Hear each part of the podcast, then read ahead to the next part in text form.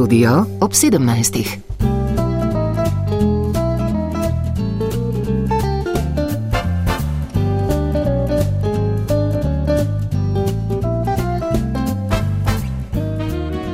Spoštovane poslušalke, cenjeni poslušalci, lepo pozdravljeni. Za nami je še en pester teden presenetljivih dogodkov. Sredi tedna je kot strela z jasnega odjeknila novica o začasnem umiku Magne iz Hoč, uprava Taluma iz Hidričevega pa je sporočila, da zaradi energetske krize podjetja dokončno ugaša elektrolizne peči za proizvodnjo aluminija. Kakšne bodo posledice, še ni povsem jasno, zagotovo pa bo povzročilo nova odpuščanja. Umar je medtem zvišal napoved gospodarske rasti za letos. Po novem napoveduje 1,8 odstotno rast bruto domačega proizvoda, kar zbuja previden optimizem, a tegob ob še vedno visoki inflaciji ni mogoče spregledati. Na to so upozorili upokojenci, ki so se v okviru inicijative Glas upokojencev sredi tedna v novič množično zbrali na trgu republike in zahtevali dostojne pokojnine. Svoj glas so dvignili tudi nasprotniki ljubljanskega župana Zorana Jankoviča, ki so v ponedeljek pred Ljubljansko mestno hišo protestirali zoper njegovo politiko.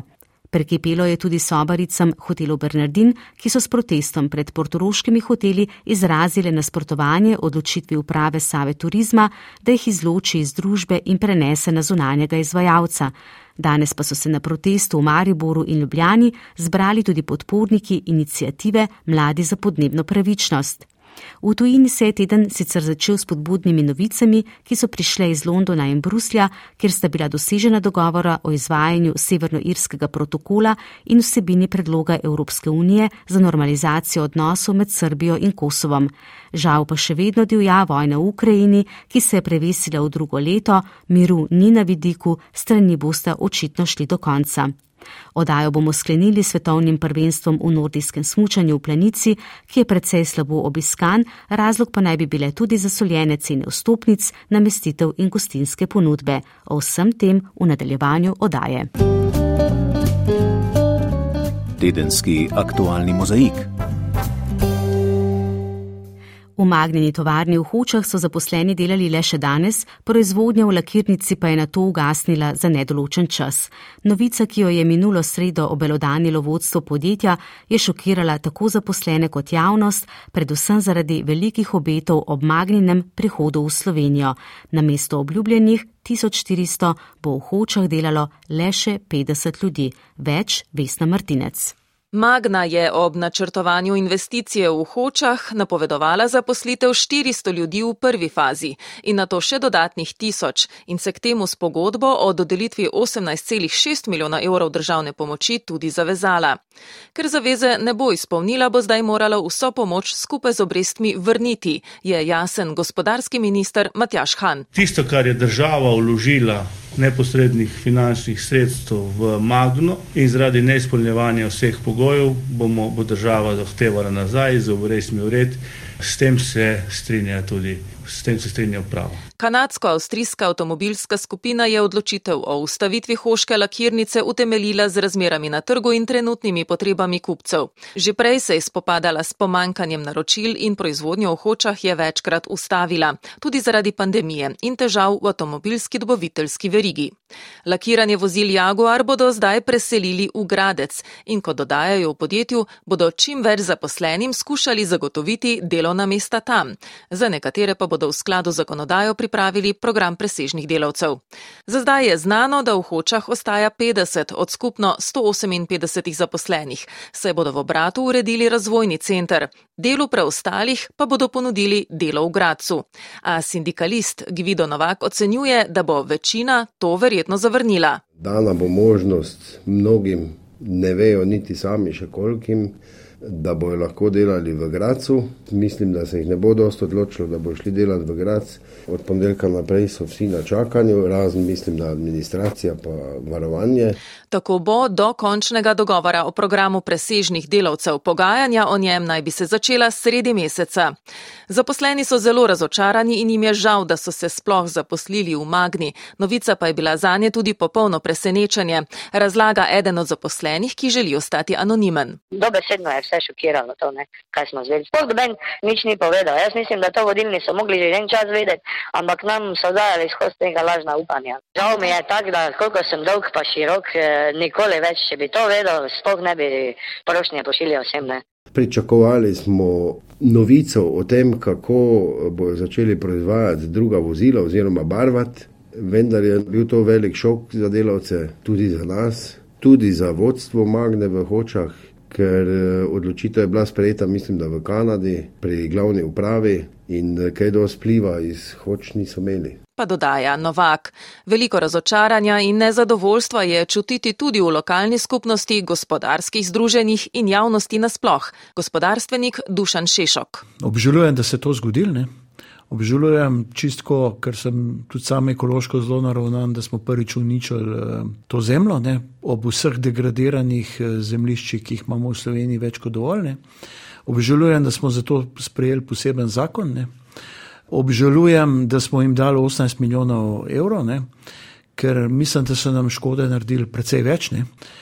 In uh, bi kvečen ta prava uh, kazen bila, da vzpostavijo vse skupaj v prvotno stanje. Ne. Tudi ne verjamem, da bodo v bodoče razvijali nekaj drugega ali tretjega, ne.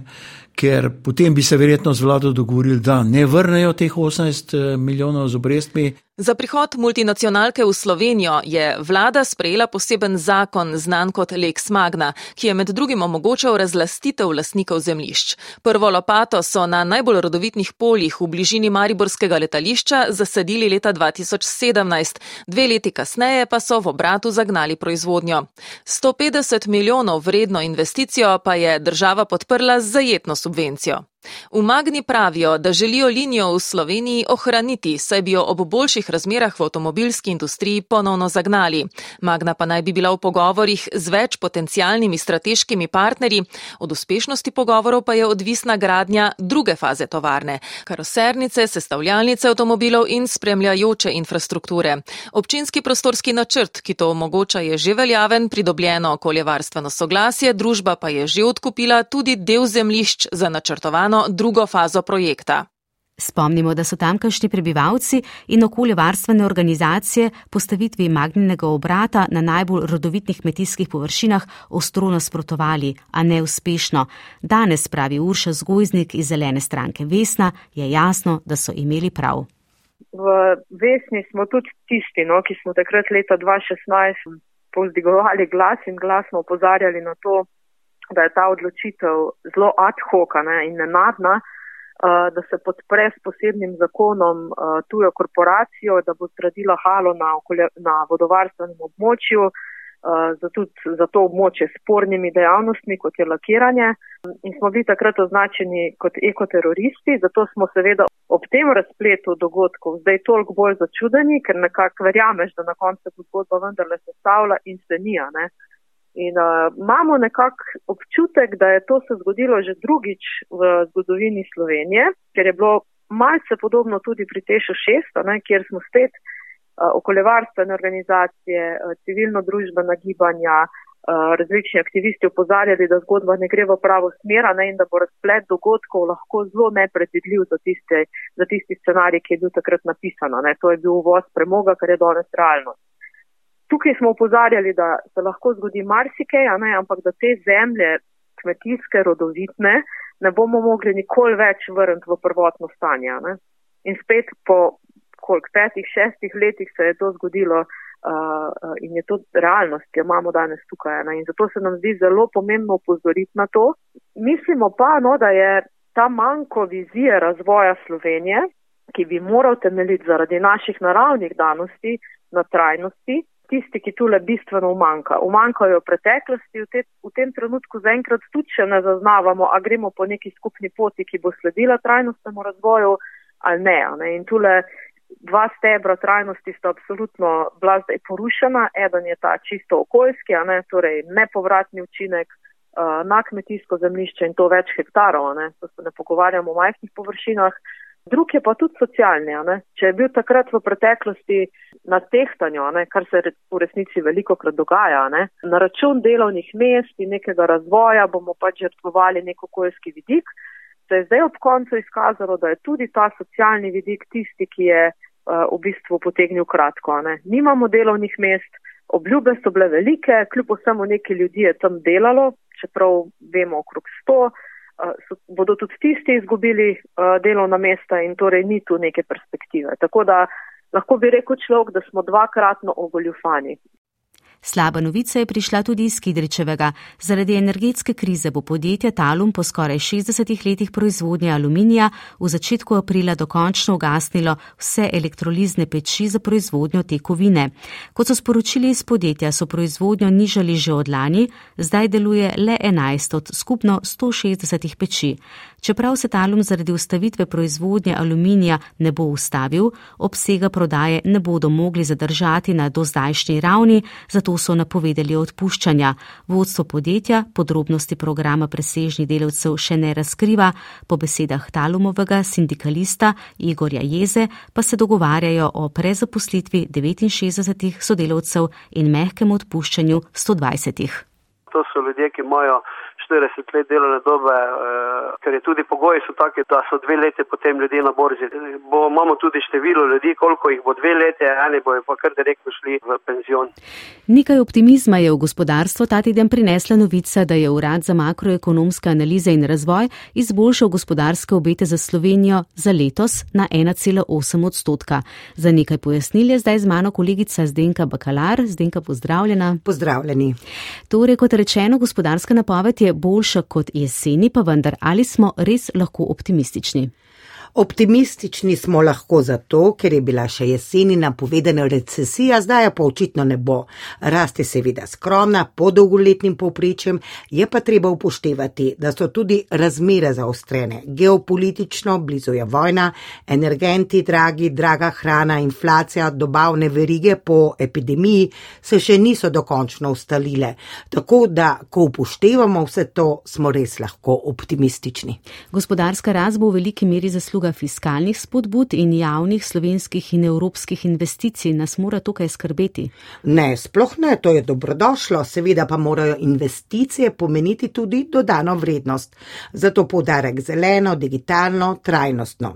Seveda bodo javne finance zato na slabšem, bolj v minusu, tu pa nastopi preudarnost. Letos ni pričakovati omembe vrednih zasebnih investicij v osnovna sredstva oziroma opremo zaradi negotovosti, zato je komplementarno, ko manjkajo zasebne investicije, da se angažira država. Seveda bodo to predvsem infrastrukturni objekti.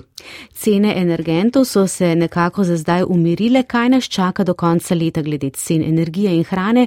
Kakšna bo po tvoji oceni inflacija? Torej, umar napoveduje umiritev tako cen energentov, kot tudi hrane. V povprečju letos bo inflacija 7 odstotna, vendar lahko leto razdelimo na dva dela. V prvem polletju bo inflacija še visoka, potem pa se bo v drugi polovici leta začela hitreje zniževati oziroma umirjati povedati. Tako da decembra pričakujejo, da bo inflacija v primerjavi z lanskim decembrom 5 odstotna, zdaj pa je nekaj manj kot 10 odstotna. Ta teden, kot smo že slišali, je presenetila novica o ustavitvi proizvodnje v Magni ali je to napoved slabših trendov na trgu dela, Kaj kažejo uradne napovedi? Torej, nižja gospodarska rast kot lani, lani je bila prek 5, letos bo 1,8. Taka napoved pomeni umiritev rasti zaposlovanja. Stopne rasti bodo pod enim odstotkom, minula leta so se sukale okoli treh.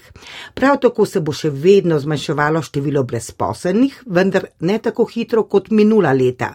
Torej, posebnega zaostrovanja na trgu dela ni pričakovati, vendar to so makroekonomska pričakovanja, ki pa se lahko na mikroravni izkažejo drugače. Torej, konkretno pri Magni je seveda relevantno vprašanje, ali ima regija druge zaposlitvene možnosti, ali so te kompatibilne z veščinami, ki jih imajo prizadeti delavci, nasplošno pa velja, da že zdaj, še bolj pa bo v prihodnjih letih, prav pomankanje usposobljenih delavcev ovira za hitrejšo gospodarsko rast. Mhm. In kako tvegana je najnovejša napoved in kaj pomeni ta za pripravo rebalansa proračuna?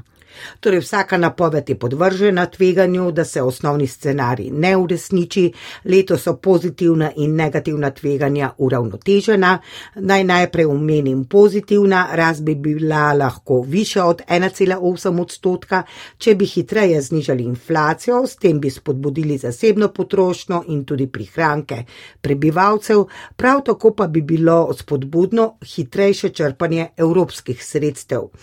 Negativna pa razumljiva razumljivo povezana z geopolitiko, s potekom vojne v Ukrajini in s tem povezanimi razmerami na energetskih trgih, in pa ustrajanje inflacije na visoki ravni bi seveda poslabšalo gospodarsko napoved, prav tako pa tudi hitrejše stiskanje monetarne politike. Zdenka, najlepša hvala za ta izčrpna pojasnila. Hvala. Negotove razmere, vse draže življenje, boj za ohranitev pitne vode in podnebna kriza so se ta teden izrazili v več protestih. Bili so kar štirje. Začelo se je v ponedeljek pred Ljubljansko mestno hišo, kjer so protestniki protestirali zoper politiko ljubljanskega župana Zorana Jankoviča, ki med drugim ustraja na gradnji kanalizacijskega kanala C0, saj da druge rešitve ni. Projekt se ne da ustaviti. Ni rešitve druge. Kanalizacije čez vodonosnik ne more biti na drugi strani, trdijo lastniki zemlišč, ki preprečujejo gradnjo tudi za voljo fizičnih obračunov. Brane grad. Kanalizacije sta samo dve vrste, tista, ki že pušča in tista, ki bo še puščala. V torek so protestirale sobarice v hotelih Bernardin, saj v pogajanji z vodstvom družbe Sava Turizem niso uspele prepričati njihovega prenosa na zunanjega izvajalca, njihova predstavnica Jelica Pintarič. To je šele začetek, bitko smo zgubili, vojna nas pa še čaka, njih pa tudi. Po besedah vodje pogajalske skupine v Savi Turizem Igorja Škrinjarja je vodstvo sindikatu ponudilo več stvari, a žal neuspešno. Zunani najem storitev je menda dolgoletna praksa, delovke bodo še naprej delale v istih hotelih, zagotavlja. Vsem zaposlenim se zagotavlja še naprej varnost zaposlitve in je to v bistvu za njih eh, čist nič ni drugače, razen kar bo pač na, eh, na plačilni listi drug delodajalec. Zato, da bi imeli više, dostojne pokojnine, so se v sredo na trgu republike pod okriljem ljudske inicijative Glas upokojencev v novič množično zbrali upokojenci. Zadnjim 5,2 odstotnim dvigom pokojnin niso zadovoljni, vladi premijeja Goloba, ki jo sicer po zadnjih raziskavah javnega mnenja podpira manj kot polovica anketiranih, so upokojenci med drugim očitali. Premale pokojnine sramota za našo državo. Vse je v redu, ker smo 40 let nodajali. 42 let do, do, dobe imam, pa imam 650 evrov. Vodja protesta Pavle Rupar pa je opozoril. Naš denar mora biti v pokojninski blagajni, če seveda ni pokraden in izropan. Pa tudi če je, če ste dobili čez noč milijardo za pokritje izgub v Elesu, v GNI in drugih vaših podjetij, ga boste pa še za penzije. Danes pa so se na tako imenovanem podnebnem štrajku v Ljubljani in Mariboru zbrali podporniki inicijative Mladi za podnebno pravičnost. Ja, tukaj smo se zbrali zato, da opozorimo na to, da je treba podnebno krizo začeti resno naslavljati, ker trenutno nobena vlada tega ni naslovila resno. Iskreno od odločevalcev ne pričakujemo ničesar, zato si moramo mi, pač delovni ljudje, sami izboriti ukrepe, ki bojo in socialni za nas, in zeleni za okolje. No. Mislim, da če uničimo planet, pa noben ne bo mogel tle gor kaj dosti delati, ne mladi, ne stari, ne srednjih let. In da tudi od te vlade se pričakujejo veliki ukrepi, mladi nimajo nobene prihodnosti, podnebne spremembe vedno bolj vplivajo na življenje vseh ljudi in zato pač nujno ukrepanje zdaj.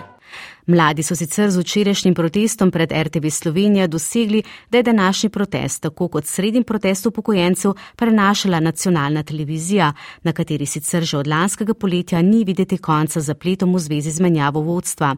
Novi svet Radio Televizije Slovenija bi moral v tem tednu prevzeti svoje pristojnosti, vendar se to ni zgodilo. Ustavno sodišče je namreč zadržalo izvrševanje tega dela novele zakona o RTV. V svet je bilo imenovanih 15 od 17 članov članov, kakšen je njihov položaj, pa ni povsem jasno. Razmere na javni RTV spremljajo tudi v Evropski komisiji. Ta teden je bila na delovnem obisku v Sloveniji podpredsednica Evropske komisije za vrednote in preglednost Vera Jourova, ki je izpostavila pomen visokokakovostnih javnih medijev v demokratični družbi. Več Lucija Dimnik Rikič. Ustavno sodišče ni zadržalo dela novele zakona o radioteleviziji Slovenija, ki določa, da je nov svet RTV konstituiran, ko je imenovana večina vseh članov. Svet ima tako zdaj 15 članov in nekateri med njimi se sprašujejo, kakšen je sploh njihov položaj, saj kljub imenovanju svoje funkcije ne morejo opravljati. Luka Zebec, ki so ga v nov svet izvolili zaposleni na RTV, ugotavlja. Če je svet konstituiran, to pomeni verjetno, po mojem razumevanju, da mandati tečejo, ker pa naj ne bi smel delovati, pa pomeni, da nam je v bistvu na nek način odzeta pravica do delovanja, do soupravljanja. Zebec je hkrati tudi član obstoječega nadzornega sveta RTV, pravi, da je zato v zagati. Ker uh, pač nisem prepričan, kako zdaj postopati pač v prihodnje kot član obstoječega nadzornega in pa novega sveta. Tudi na Ministrstvu za kulturo pojasnjujejo, da je bil svet v skladu z novelo zakona o RTV konstituiran. Ministrica Asta Vrečko se očitno ne more sprijazniti z odločitvijo ustavnega sodišča, pa odgovarja predsednik obstoječega programskega sveta Petr Gregorčič, ki je prepričan, da članom novega sveta mandati še ne tečejo. Njihovi mandati, če se prav spomnim novele zakona, začnejo teči za dnem, ko je svet konstituiran. Po mojem razumevanju bo konstituiran takrat, ko bo ustavno sodišče začasno zdržanje odpravilo. Gregorčič je za ponedeljek tako že sklical naslednjo sejo programskega sveta. Oglasili so se predstavniki zaposlenih v svetu RTV, ki od države kot ustanoviteljice pričakujejo, da bo storila vse, kar je v njeni moči, da ustavi poglabljanje škode v zavodu in prepriči nadaljne sprejemanje spornih odločitev. Zaposlenim zagotavljajo, da bodo do začetka polnega upravljanja svojih mandatov pozorno bdeli nad dogajanjem v zavodu. Z razmerami na javni RTV je seznanjena tudi Vera Jourova, ki je v Evropski komisiji med drugim pristojna za področje medijev. Razmer na RTV ni želela komentirati. Po njenem moramo počakati na odločitev ustavnega sodišča o noveli zakona o RTV.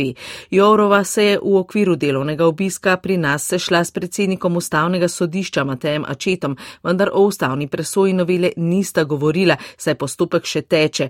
Evropska poslanka Romana Tomc je ta sestanek označila za nedopusten politični pritisk na ustavno sodišče. Jourova je njene očitke zavrnila. Prisežem, da o odločitvah glede nacionalne radiotelevizije s predsednikom ustavnega sodišča nisva spregovorila niti besede. To bi bilo tudi v nasprotju z mojo moralno integriteto in prepričanjem, da morajo biti sodišča pri svojem delu povsem neodvisna. Jourova je sicer prepričana, da bo odločitev ustavnega sodišča pokazala, kako se bo javna RTV razvijala v prihodnje. No, no Nobenega dvoma ni, da Slovenija potrebuje visoko kakovostne javne medije z zagotovljenim financiranjem in vodstvom, ki uživa visok ugled. Podpredsednica Evropske komisije se je srečala tudi s predsednico državnega zbora Urško Klakočar Zupančič, predsednico republike Natašo Pircmusar in ministrico za kulturo Asto Vrečko. Teme teh pogovorov pa so bile med drugim medijska zakonodaja, neodvisnost medijev in zaščita novinarjev. Prav položaj novinarjev je še posebej posebej zaskrbljujoč pri nas, opozarja Špela Stare iz Društva novinarjev Slovenije. Vinarski poklic je pa, kako bi rekla, v prostem padu, od eh, tega statusnega v bistvu obsega dela, financiranja, pritiskov, napadov. Tako da eh, novinarstvo je zares ogroženo, po našem mnenju, v Sloveniji. Na srečanju z ministrico Asto Vrečko je bila osrednja tema pogovora Evropski akt o svobodi medijev, ki vključuje tudi zaščitne ukrepe proti političnemu mešavanju v uredniške odločitve. Za Slovenijo je to zelo pomemben akt, zato pri njegovi pripravi tvorno sodelujemo, je zagotovila ministrica. Nam služi ta Evropski akt o svobodi medijev tudi kot um, neko vodilo pri razmišljanju o naši lastni zakonodaji. Naša medijska zakonodaja je zastarela, novinarska stanovska združenja zato opozarjajo na nujnost čimprejšnje prenove zakona o medijih. O tem se govori že leta, časa pa ni več veliko, še povdarjajo. Pregled domačega dogajanja bomo sklenili z letnim poročilom Evropskega javnega tožilstva. To je lani začelo skoraj 900 preiskav zaradi sumov, goljufi in zlorab evropskih sredstev, je zamrznilo za več kot 350 milijonov evropskega denarja. V Sloveniji je trenutno odprtih 14 preiskav, ocenjeno oškodovanje je skoraj 41 milijonov evrov. Slovenski tožilec v Evropskem javnem tožilstvu Jaka Brezikar pravi, da je nepravilnosti zagotovo več, pa pri preiskavah pri nas v zaostanku zaradi znanih zapletov in posledične zamude pri imenovanju dveh delegiranih tožilcev. Z Jako Brezigarjem se je pogovarjala Jolanda Lebar. Po številu preiskav je Slovenija primerljiva z Latvijo, Litvo, Estonijo, pravi Jaka Brezigar. V nekaterih večjih državah ima Evropsko javno tožilstvo izrazito več odprtih primerov. Po oceni Brezigarja, ki kot evropski tožilec obravnava zadeve iz vseh držav članic javnega tožilstva, je osnovni problem zaznavanje kaznjivih dejanj. Zdi se nam, da bi se lahko v vsaki državi članici Evropskega javnega tožilstva, da bi se moralo zaznati več nepravilnosti in več sumov, ki bi lahko kazale na sume kaznjivih dejanj in uh, seveda takšne sume, v katerih uh, organi oziroma uradi državni, ki uh, nadzirajo porabo evropskih sredstev, zaznajo, morajo potem brez nepotrebnega odlašanja takoj prijaviti Evropskemu javnemu tožilstvu.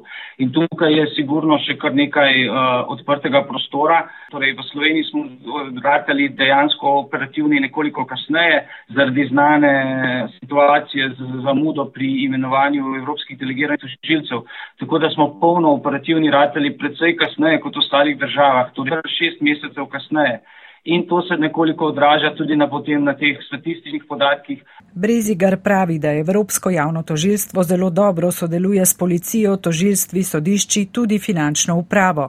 Veliko rezerve pa da je še pri organih, ki nadzirajo porabo evropskih sredstev, ministrstvih, agencijah, inšpekcijah tudi organiziramo izobraževanja za zaposlene iz teh organov, da v bistvu vidijo malo, kaj so tisti pokazatelji in tiste prepoznavne lastnosti neke potencijalne goljufije na škodo Evropske unije. Večina kaznjivih dejanj je prav klasičnih goljufij na škodo Evropske unije.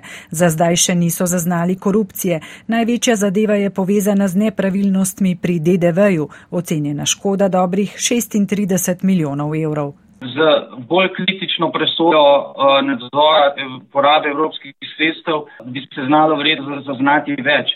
Vendar pa je potrebno vedeti, da v vsakem primeru, kadar imaš na drugi strani grupa, ki je mogoče dovolj iznajdljiv, bo poskušal in tudi verjetno uspel v določenih merah ogoljufati tistega, ki je pristojen za izčilo sredstev.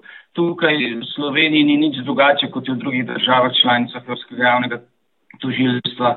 V Sloveniji za zdaj Evropsko javno tožilstvo še ni opravilo kakšne zelo odmevne preiskave, v katero bi bili upleteni politiki ali bolj izpostavljeni javni uslužbenci. Vendar Jaka Brezigar pravi. Sigurno Slovenija in naši eh, funkcionarji, tako javni kot javni uslužbenci, niso imuni na možnosti korupcije na tem področju.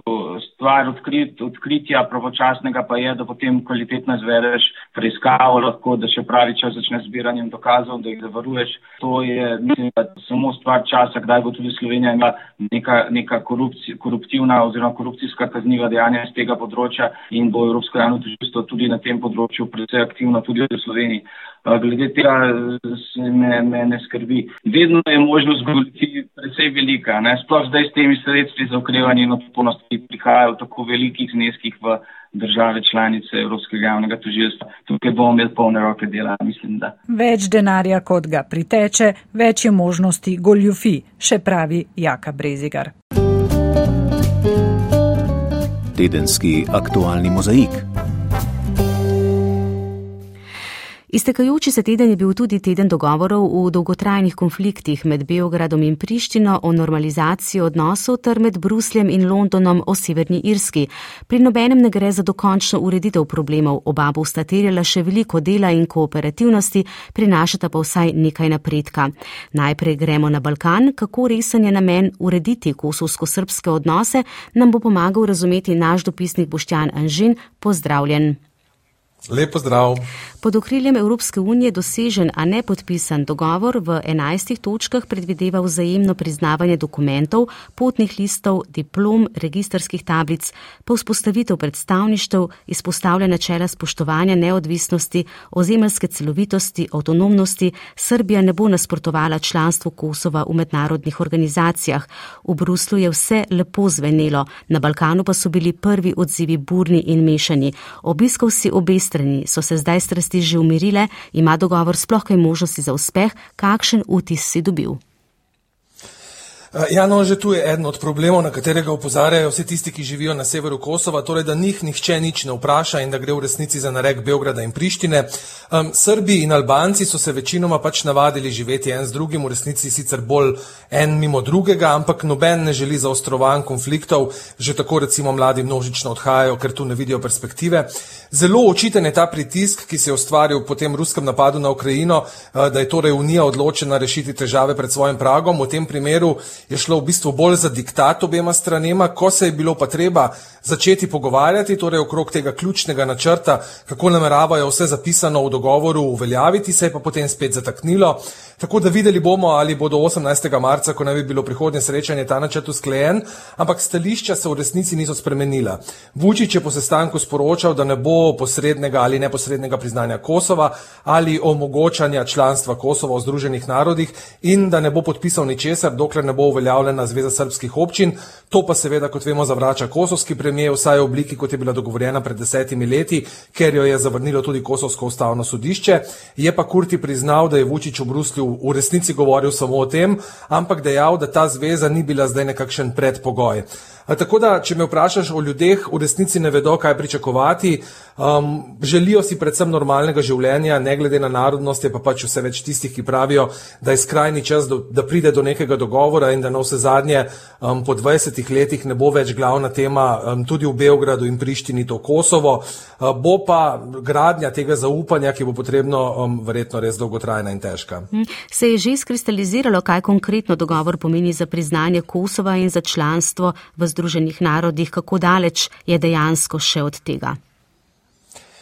Ja, zdaj v resnici poteka boj za interpretacijo tega dokumenta. Ne omenila si prej, kaj vse konkretno prinaša in um, pravijo, kot tukaj pravijo nasprotniki, recimo v Srbiji, ni to nič drugega kot de facto priznanje in izdaja Vučiča. Uh, del opozicije, recimo predsednika, celo poziva kot stopu, ampak Vučič vse čas ustraja, da so rdeče linije jasne. Torej v sporazumu piše, da Srbija Kosova ne bo ovirala, torej aktivno nasprotovala članstvu v mednarodnih organizacijah, tudi Združenih narodah um, ampak ne pa, da bo pri tem pomagala. Um, seveda pa tam v Združenih narodih lahko prepreke potem postavijo tudi Rusija, Kitajska, Indija, ki recimo Kosova ne priznavajo. Na Kosovo ima pa Kurti problem, ker poslanci pravijo, da se je vrnil še z enim sporozumom, v katerem pa ni jasnega obojestranskega priznanja, čeprav je tudi sam govoril, da je dialog v bistvu se lahko konča samo tako, uh, ampak kot pravi on, ta sporozum v bistvu Kosovo odpira pot v mednarodne organizacije. Za začetek recimo bomo videli, kako bo svetom Evrope, ni naprimer jasno, kako bodo ravnale članice Unije, ki Kosova niso priznale, petih je.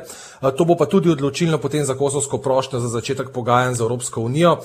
So pa tudi iz Evropske unije se oglasili, da ta dogovor nikakor ni povezan z vprašanjem priznanja, da gre v bistvu za pot v normalizacijo odnosov, nekakšno ulajšanje življenja ljudi, ampak da je pot do nekega končnega sporazuma potem še dolga. Tudi glede Zveze srpskih občin na severu Kosova je dogovor ravno dovolj neoprijemljiv, da ga interpretirajo vsak po svoje. Kako nevarno je, da bo dejansko vodil v razbijanje Kosova po zgledu Republike Srpske v Bosni in Hercegovini? Zanimivo je, da po tem zgledu tudi Albanci v Severni Makedoniji zahtevajo ustanovitev skupnosti albanskih občin v tej državi. Eh, ja, makedonska vlada je sicer to že eh, ostro zavrnila. Eh, torej, Kurt je postavil več pogojev, da bi pristal potem na to zvezo. Za začetek ne sme to biti zveza srpskih občin, ker teh ni, pravi on, torej zveza občin s srpsko večino. Potem zahteva, da nima izvršilnih pooblastil, da jo ustanovijo šele po priznanju. On je bil sicer vse čas glavni nasprotnik, ne, zato zdaj toliko kritik doma. Po drugi strani pa Srbi pravijo, da ne potrebujejo zveze, ki bi bila nekakšna nevladna organizacija. V Beogradu pa vse čas tudi ustrajajo pri tem, da se v bistvu sploh ne bodo pogovarjali, ker je to dogovorjena stvar. Potem so pa seveda tudi v Srbiji nekateri, ki pravijo, da je ta zveza v resnici samo pesek v oči, da Vučića pač skrbi predvsem za lastno oblast in da bo ta zveza pomenila tudi, da bodo Srbe v tej zvezi v bistvu izročili Kosovu, ne? ker ta zveza ne bo v Srbiji, ampak bo na Kosovu in po kosovskih zakonih. Um, so pa že predtem američani dejali, no, da ne bodo dopustili, da bi nastalo nekaj podobnega, kot je ta bosansko-hercegovska entiteta Republika Srpska. Uh, pa tudi to smo slišali, da mora biti pač spremljiva um, ta zveza za kosovsko ustavno sodišče, torej bi do nekih sprememb že moralo priti, če jo želijo uskladiti z ustavo kosovsko. Kaj zdaj sledi? Kdaj bodo prebivalci imeli konkretne koristi, naprimer pri priznavanju diplom, potnih listov, kaj morata zdaj storiti vladi, da bo dogovor tudi zaživel? Za začetek se morata Beograd in Priština dogovoriti o tej 11. točki sporazuma, torej načrtu izvrševanja in um, ta naj bi bil potem nared do srečanja 18. marca na Ohridu in to no, tu notri bo Srbija skoraj verjetno želela v, z, neka, neko zavezo Kosova o tej zvezi srpskih občin, o kateri smo govorila in um, Sporazum je sicer izredno ne omenja, ne, zato bi bilo toliko pomembnejše Beogradu, da, da se v bistvu v tej enajsti točki to omeni. Potem ne bi pa začeli, ko bo prišlo do podpisa, če bo prišlo do podpisa, začeli teči neki roki, izvajanje bi pa potem nadzorovala skupna komisija pod vodstvom Evropske unije. Zdaj moramo reči, da zadnje čase v te unije prihaja manj korenčka in več palice. Ne. Srpski predsednik je recimo svaril pred zavrnitvijo predloga, morebitno prekinitvijo pogajanj z unijo, ki sicer že itak stojijo zaradi odnosa z Rusijo, um, pa potem tudi pred osamitvijo in recimo odhodom investicij. Morda tukaj samo za konec dodam, da je Srbija recimo dan po srečanju v Bruslju dobila nepovratno pomoč Evropske unije v višini 610 milijonov evrov za gradnjo hitre proge Beograd-Niš. Zanimivo. Poščan, najlepša hvala za pojasnila in lep pozdrav v Beograd. Lep pozdrav. Nadaljujemo pa z dogovorom glede sprememb Severnoirskega protokola. Britanski premijer Rishi Sunak in predsednica Evropske komisije Ursula von der Leyen sta v ponedeljek v Winstorju dosegla pomemben dogovor glede sprememb Severnoirskega protokola. Z njim so po Brexitu preprečili vzpostavitev mejnega nadzora med Severnoirsko in Irsko, hkrati pa je njegovo uresničevanje naletelo na velik odpor v Združenem kraljestvu. S spremembami protokola naj bi zdaj rešili glavna odprta vprašanja in ohranili mir na irskem otoku. Več o tem Blaš Rmenc. Kako preprečiti nastanek meje med Irsko in Severno Irsko po Brexitu, s tem so si belili glavo britanski in unijni pogajalci še pred britanskim izstopom iz unije. Rešitev so tedaj našli v Severnoirskem protokolu, s katerim so carinski nadzor premaknili med Severno Irsko in druge dele Združenega kraljestva in s tem povzročili veliko slabe volje v tej državi. Uveljavitev protokola pa je povzročila tudi notranje politično krizo na Severnem Irskem. Zdajšnje spremembe protokola naj bi po prepričanju britanskega premijeja Sunaka in predsednice Evropske Evropske komisije von der Leyenove naslavljale večino odprtih vprašanj in prinašale uravnoteženo rešitev. Po besedah britanskega premijeja bo tako imenovani Vincorski okvir omogočil neoviran pretok dobrin na britanskem notranjem trgu, zaščitil bo položaj Severne Irske v Evropski uniji in, kar je ključno, varoval bo suverenost ljudi in ustanov na Severnem Irskem. Dogovor uvaja tako imenovani zeleni pas za blago, ki je iz preostalih delov Združenega kraljestva namenjeno na Severno Irsko. Za blago, ki naj bi šlo v Republiko Irsko oziroma v druge dele Evropske unije, pa bodo uvedli tako imenovani rdeči pas, kar pomeni ohranitev do zdajšnjih carinskih pravil. Vincorski okvir naj bi torej omogočil neovirano trgovanje po celotnem Združenem kraljestvu. S tem dogovorom smo odstranili vsak občutek meje v Irskem morju, zatrjuje Riši Sunak. Podjetjem, ki bi skušala izigrati novi režim, pa naj bi grozile stroge kazni. Da bi vse to delovalo, smo se dogovorili o močnih zaščitnih ukrepih, kot so dostop prek informacijske tehnologije, oznake in postopki uveljavljanja, kar bo zavarovalo integriteto enotnega trga Evropske unije, pravi prva dama Evropske komisije von der Leinova.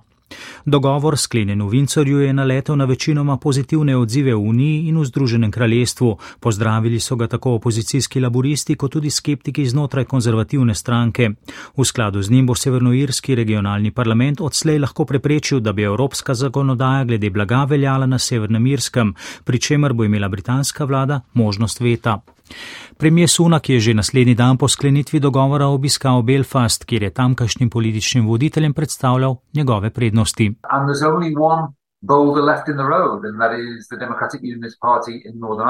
Samo še ena ovira je na poti, to je Severnoirska unionistična stranka. Ta lahko zmago spremeni v poraz, če se odloči za zavrnitev dogovora.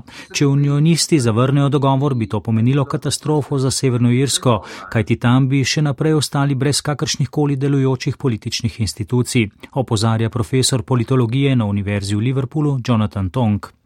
Kot so sporočili pro-britanski unionisti, morajo besedilo iz Vincorja najprej temeljito preučiti. Uveljavitve dogovora sicer ne morejo preprečiti, a njihova morebitna zavrnitev bi pomenila, da Severna Irska ostaja brez delujoče vlade, kar bi lahko v prihodnje ogrozilo težko doseženi mir na tem delu irskega otoka. Zunanje politične delo daje zaključujemo z rusko-ukrajinskim konfliktom, ki se je prevesil v drugo leto. Miru ni na vidiku, nasprotno obe strani zatrjujeta, da boste ustrajali do konca. Rusija bo po sedmih mesecih, kot kaže, v kratkem zauzela mesto Bahmut, zahodni zavezniki pa poskušajo v Ukrajini poslati dovolj orožja za spomladansko ofenzivo. V konflikt je posredno upletenih vse več držav, pojavljajo se tudi ugibanja, da bi Rusijo z orožjem lahko kmalo začela zalagati Kitajska. Podrobneje o vojni v Ukrajini Matej Hraster. Rusija mesto Bahmut napada že sedem mesecev. Sprva je pritiskala le z vzhodne in jugovzhodne strani, po zauzetju Soledarja pa so v zadnjih dveh mesecih začele enote najemniške vojske Wagner obkoljevati mesto tudi z severa in juga. Celo na ukrajinski strani priznavajo, da mesta ne bodo mogli braniti v nedogled. Ja, obračam se k predsedniku Ukrajine. Vladimir Aleksandroviču Zelenskemu. Vodja skupine Wagner Evgeni Prigožin je danes objavil poziv ukrajinskemu predsedniku naj ne mudoma umakne svoje sile iz mesta, odkudar vodi le še ena cesta, saj je skupina Wagner mesto praktično obkolila. Klešče se zapirajo. Sprva smo se borili proti profesionalni ukrajinski vojski, zdaj pa med njimi vidimo vse več starčkov in otrok. Tu bodo preživeli še največ dan ali dva, je zagrozil Prigožin. Zaradi otoplitve je teren na frontni črti postal precej slabše prehoden, pričakuje se, da se resna ofenziva na katerikoli strani lahko začne šele aprila ali celo maja. Na bojiščih torej še ni videti konca, tudi na diplomatskih prizoriščih pa so najpomembnejši igravci daleč na razen. Ruski zunani minister Sergej Lavrov se je v indijski prestolnici New Delhi udeležil srečanja zunanjih ministrov skupine G20. Skupne deklaracije pričakovano niso uspeli sprejeti, je pa Lavrova motilo, da se toliko pozornosti posveča Ukrajini. War, uh, which, uh, To vojno, ki jo poskušamo zaustaviti, so proti nam sprožili s pomočjo ukrajinskega ljudstva, je dejal Lavrov in sprožil posmeh občinstva.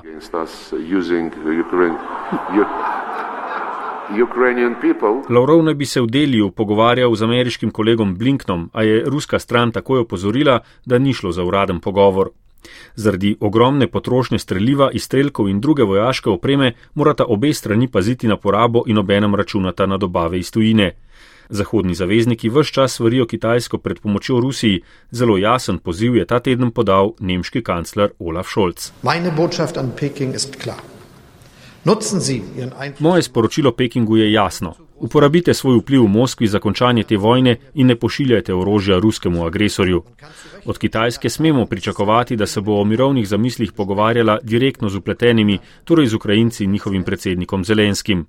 Nažalost pa Kitajska ni več pripravljena potrditi svoje zaveze z vrha G20 na Balju, to je jasne obsodbe ruske agresije. Odločitev Kitajske bi zelo pomembno začrtala nadaljni razvoj dogodkov v Ukrajini medtem pa je vse bolj nemirna tudi Moldavija. Tam opozarjajo, da Rusija aktivno poskuša destabilizirati državo. Vladimir Putin je prejšnji teden odstopil od sporazuma o suverenosti Moldavije nad Pridnesterjem. Este o perspectivă reală ca Republica Moldova să se alăture Occidentului democratic. Namestnik generalnega sekretarja Zveze NATO Mirča Joana je za romunsko televizijo povedal, da ima Moldavija odprto pot, da se priključi euroatlantskim povezavam. Rusija to ve in bo to poskusila preprečiti, a ne z vojaško silo. Enako kot v Črni gori leta 2016 je sprožila vsa orožja hibridne vojne. Vsem nam je v interesu, da se Moldavija upre, se pridruži demokratični in civilizirani Evropi in se izvije iz tega sivega območja, je še dodal Joana. V moldavskem parlamentu je včeraj prišlo do protesta poslancev socialistične stranke, se so v koaliciji predlagali določilo, s katerim bi uradni jezik preimenovali iz moldavskega v romunskega. Po zadnjem popisu se je zagovorca moldavskega jezika opredelilo 54 odstotkov, romunskega pa 24 odstotkov prebivalstva. Ruščino kot prvi jezik uporablja 14 odstotkov ljudi, sem ni vključeno pridnesterje. Parlament v Kišinjovu je včeraj s tesno večino sprejel deklaracijo o obsodbi ruske agresije na Ukrajino in se zavzel za obsodbo ruskih zločinov. V osvobojenem Hersonu so preiskovalci našli 20 mučilnic, po novembrski osvoboditvi mesta pa je še vedno pogrešanih 400 ljudi. Tedenski aktualni mozaik. Odajo zaključujemo s svetovnim prvenstvom v nordijskih smučarskih disciplinah v planici, ki gre počasi k koncu. Prav zdaj na veliki napravi poteka predzadnja skakalna tekma, Slovenija pa je tudi tokrat na seznamu držav udeleženk, ki so osvojile vsaj eno medaljo. Je pa bilo okrog prvenstva v minulih dneh izrečenih kar nekaj besed. Iz planice je zdaj z nami Dare Rupar. Ko bo čez uro in pol končana doslej najodmevnejša tekma smučarjev skakalcev na Blotkovi velikanki, bomo v planici že vedeli za 20. zmagovalca tega prvenstva. Nedvomno gre za enega največjih in tudi najodmevnejših športnih tekmovanj pri nas. Vsekakor pa največje potem, koliko spremljevalnega osebja je v zadnjih dveh tednih pri nas. Pa če tu naštejem le število prostovoljcev in mašinerijo, ki jo ob taki priložnosti zahteva izdelava televizijskega mednarodnega signala kanala. Že dejstvo, da oba režiserja uporabljata skoraj 100 kamer, pove vse. Običajno ob velikih tekmovanjih vedno govorimo o tem, da le ta uspešnost priprave prireditve merijo tudi z uspehom domačih tekmovalcev. Na zadnje v Obrzdorfu je Slovenija osvojila šest medalj, na domačem snegu za zdaj eno. Ampak tudi ta pomeni omenjeni uspeh. Po podelitvi bronastih medalj v sredo nam je Ema Klinec ob novi medalji na velikem tekmovanju povedala. Jaz sem bila zelo vesela, da, da nam je uspelo. Osebno mi ta mešana medalja um, res ogromno pomeni. No. Zdaj, težko je primerjati z Obrzdorfom, ampak uh, je bila, je bila pregarana. Tudi uh, sama pot, ki je bila do tega prvenstva in um, najlepše pa pol videti, ker se dve, dve ekipe združita skupaj in pokažeta, kar zmorete.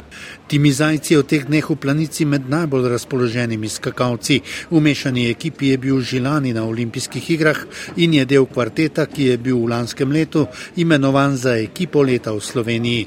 Kako Štajerec gleda na to, da se je ekipa polovično zamenjala? Pa v bistvu je dosti spremenilo se.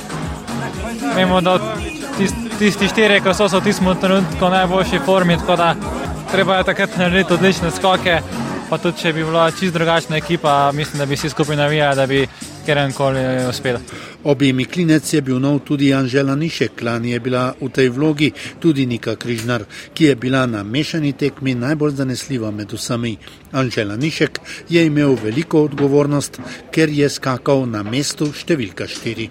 Odgovornost je že to, da spoh skačeš, tako da ja, mogoče na koncu se lahko malo kdaj zatrese kolena, ampak ja, ne vem, imam to čast, da nastopam kot zadnji in uh, sem zelo vesel, da mi tudi trenerji zaupajo. Mnogi še danes razmišljajo, da je ta tekma mešanih dvojic najmanj za moški del ekipe, kar malo odveč. Ob tem je Anžela Nišek hitro razvil novo misel. Meni se ne zdi ta tekma kot samoumevna, ampak uh, vsaka tekma, na kateri nastopam, pa je to svetovna prvenstva, olimpijske igre ali pa pokal Argeta, ki ga imamo, bom dal svoj maksimum. Tako da vedno želim dati, uh, pokazati svoje najboljše skoke in uh, tako bo vedno ostalo. In le to je tisto, kar šampione loči od tistih, ki se nikdar ne spogledujejo z zmagovalnim odrom, pa tudi če je v igri za odličja le pet ali šest ekip. Nikakor pa ob vseh odmevih na svetovno prvenstvo ne smemo mimo planice kot take, še vedno kultnega mesta v naši zgodovini športa in tudi v sedanjosti, čeprav so tribune bolj samevale kot ne. Jelko Gross je najbolj primeren, da nam omeni, kaj pravzaprav poteka v teh dneh pri nas. Svetovno prvenstvo je največ, kar si planica lahko želi, no mogoče nordijski del uh, olimpijskih iger, če bi kdaj bilo recimo treh dežel. Vsekakor uh, je, so olimpijske igre po programu manj zahtevne kot uh, svetovno prvenstvo. Tukaj je bil na, nekako na preizkušnji ta center, ali je ta minimalistična ureditev planice dovolj za ta, kaj takega, kot je in izkazalo se je, da uh, je dovolj, da je celo uh, neka vrste prednost, uh, mogoče v mitu za kakšno norveško ekipo, da nam more priti z desetimi kamioni, kar je še bolje in dela konkurenčnost druge reprezentance. Tako da planica se je izkazala kot uh, rov model, kaj se pravi uh, pripraviti na majhnem prostoru uh, zelo veliko stvar. In ker na našem drugem programu, Valu 202, že spremljamo moško tekmo na veliki napravi, smo pred tekmo Timija Zajca še izvali s tem, ali je bilo s sredinim prihodom na trg zmagovalcev v Kranski gori teh obiskov tudi konec. Jaz mislim, da ne. No. Vse želje so take, tako da bi bilo lepo, ja, če bi še kaj bil na tem odru do konca svetovnega. Do konca prvenstva nas čaka še pet končnih odločitev. O prvenstvu v planici pa bomo še bolj podrobno spregovorili z gosti v ponedeljkovem studiu ob 17. Po današnjo oddajo pa se podpisujemo urednica Erika Štuler, tonski mojster Miha Klemenčič in voditeljica Simeona Rogel. Lep dan še naprej in nasvidenje.